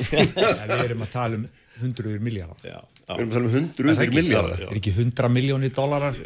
50 Nú rugglar með alveg maður. Já, já, heyrðu, við erum allavega að tala um mjög mikla peninga. Það er alveg ljóst ef að þetta kemur allt og verður hér eftir í landinu. Og þú segir leifur og hérna, þú kannski tekur núna þá að þetta séu hérna, menn séu ákafur um þetta. Klálega. Já. Ég held sko að eins og leifur eru að segja að, að það fyrsta sem að menn í raun og veru hugsa þegar þeir eru að fara út í það að framleiða einhvað og við tökum bara sem dæmi eins og Katla sem að Baltasar er að gera núna, hún Já. gerist öll á Íslandi Já. en hann gerir líka allt verkefnið hér frá að til öð Aha. uh, ef við tökum einhverja aðra ellenda seríu sem að gerist að hluta til á Íslandi uh, hún væri tekin hér en af því að það er ekki hægt að taka inn í tökur líka þá fer verkefnið bara eitthvað annað að lang, langstæðstum hluta eins og til dæmis Game of Thrones. Aha. hugsaður ef að Game of Thrones hefði náttúrulega bara allt verið tekið hér á Íslandi af því við höfum stúdíó til að til að hérna facilitera allt verkefni Aha. Þú En hver á að byggja svona stúdíu? Er þið áskættir einhverju svona, er þið að koma yngi og segja Ríki verður að byggja stúdíu fyrir okkur eða er þið að, er, er enga aðlega tilbúinir að gera þetta? Hvernig? Já, það eru, er, það eru bæði erlendar aðlar og íslenskir aðlar sem hefur sínt þessu áhuga um, en það þarf að vera að forsenda þá að, að svo við séum samkefnishæf vegna að við byrjum okkur saman við Írland og þá er það meðal endugræsla það er 35% það er verið að smíða stúdíó. Uh, ég er með mjög nærtækt dæmið af því að Foundation sem er risa TV-serja fyrir Apple þeir fóru til Írlands þess að þeir smíðuðu stúdíó þar. Uh, yttu þar einhverjum 8-9 hérna, miljónum dólara í það og að því að það er 35% endurgræsla sko, og síðan skjóta er allt mm. sko, st- uh, location efnið mm -hmm. landslæði hér. Já, já, við hefum- já, sko. já, við hefum hæglega geta stokki inn í þennan pakka.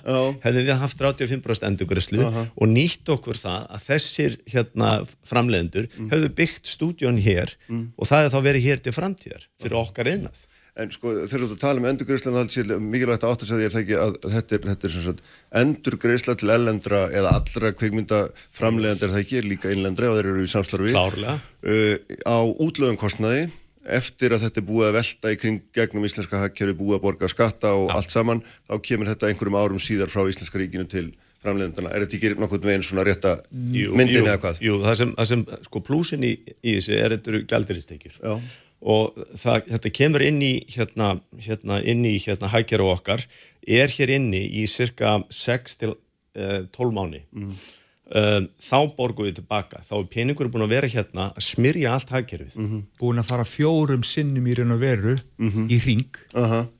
og borga þessu áður en að þú endur greiðir Já. aftur tilbaka Já, og hvernig er bara svona verið forrættin saki, hvernig er svona verkefni skattlöð? Er þetta þannig að allt ellenda starfsfólki borga bara skatta heimi á sér eða er verið að borga skatta þessu ég er eða hvernig? sko, það, það er mísjönd, það er sko, það er, uh, sko leikararnir borga skatt hér heima erlendu leikararnir, þeir borga skatt hér sem er 34,4% Að þeir borga hann Já, hér? þeir borga 20% withholding hérna já. Já, já, já. þannig að sko þessi skattu sem greiði hér, hann verður hér eftir í landinu og það, þetta hleypur á yfir sko En þegar þið 100-200 eru- miljónur Já, þegar þeir eru að lýsa þetta, lýsa þessu, þá er þetta náttúrulega bara svo fundi fjö, en það er alltaf, na, Ég- sko, þá verður maður fyrst tortryggin, sko.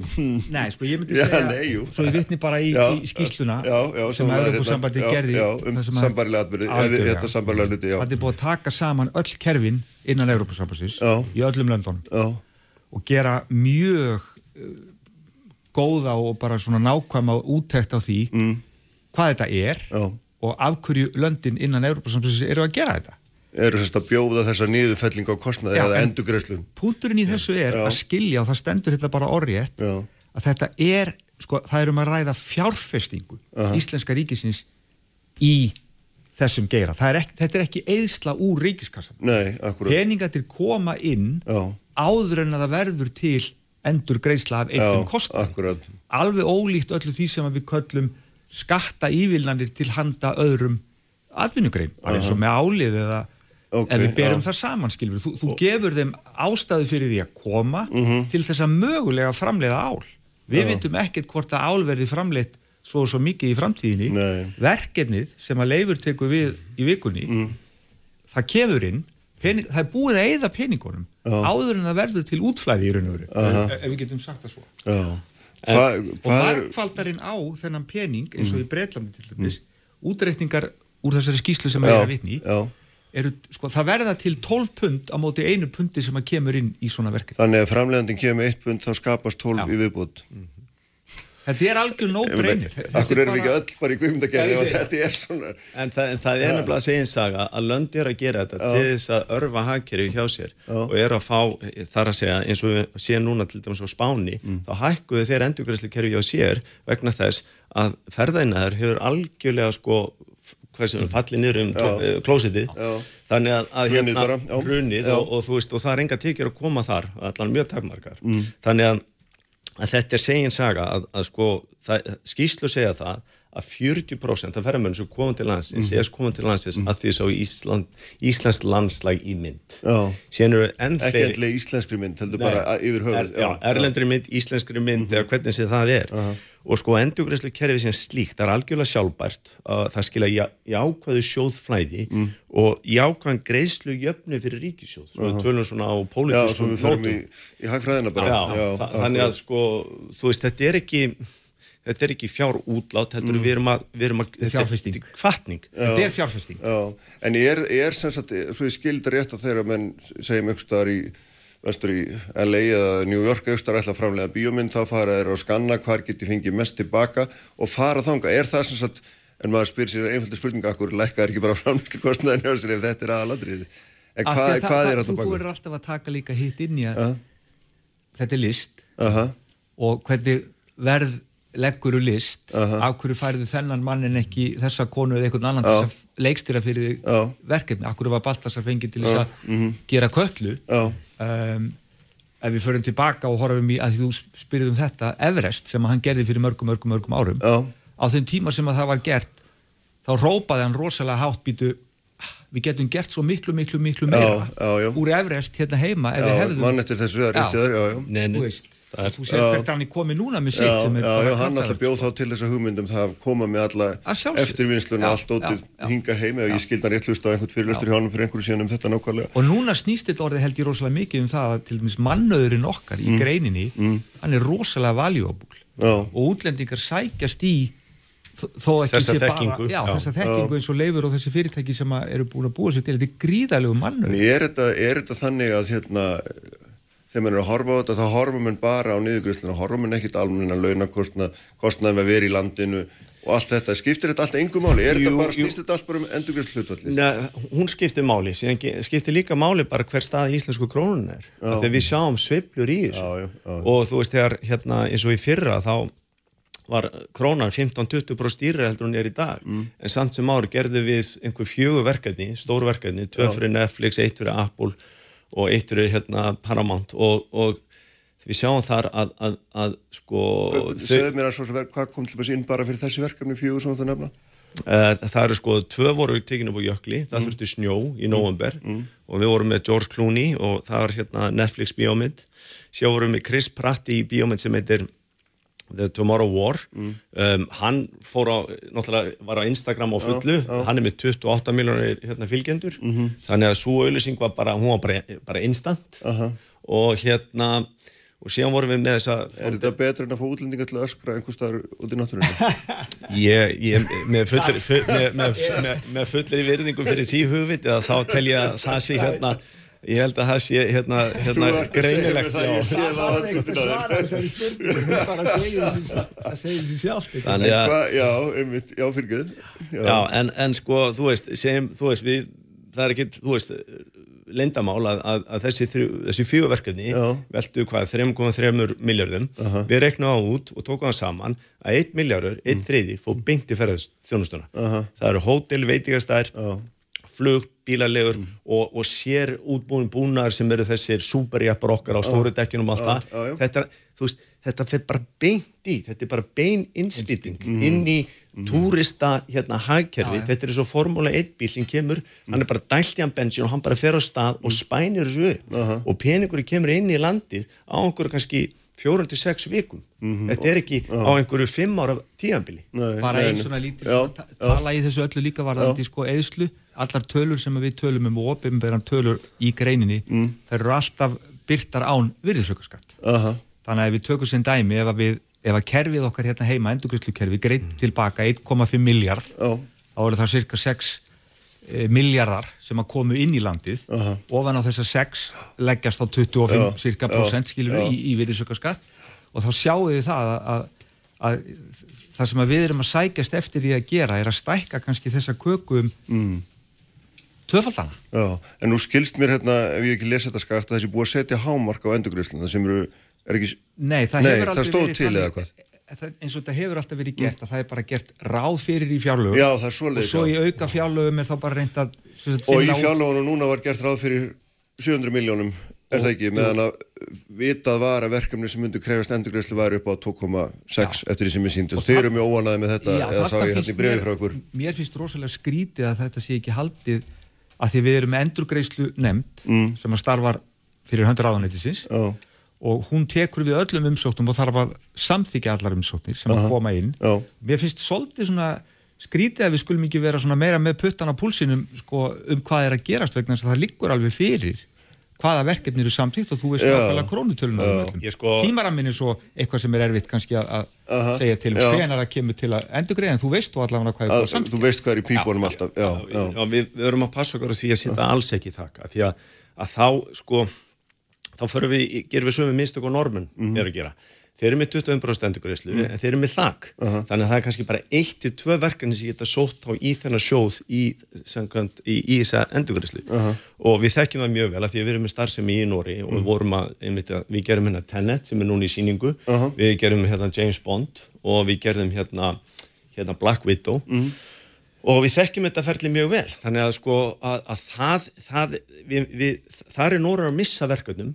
Ég þekki það frá fyrstu endi við erum að missa verkefnum vegna að það í Nóri ef við gerum þakk hérna í Íslandi þá verður það að vera sveigjanlega þakk vegna að við verðum að segja, heyrðu, þetta er allt peningur sem er að koma inn fyrst eins og við erum búin að marg, hérna, ítrekka í þessu hérna, samtali Já. og síðan er hann borgaður út. Og þá þarf bara að vera flex í því að því að peningurinn er komin inn. Eins og við segjum, kerfið er sjálfbært. Mm. Normin eru með 7 miljón dollara kapp á hvert verkefni. Já, það þetta er 7 miljónum dólar það er ekki mikið. Og það er ekki mikið. Nei. Nei. Nei, nei, þú sér það, við, við förum hátt í það bara á þessum fjóru verkefni sem gerum við fyrra, endurgreislan þar var cirka 800 miljonir, en þá eru náttúrulega, þú veist, þá eru konir hérna, 3,3 miljar inn í hagkerfið. En hvað þegar menn standa hér og segja að það er, það, menn býður öðum, hvað þýðir það í raun og veru?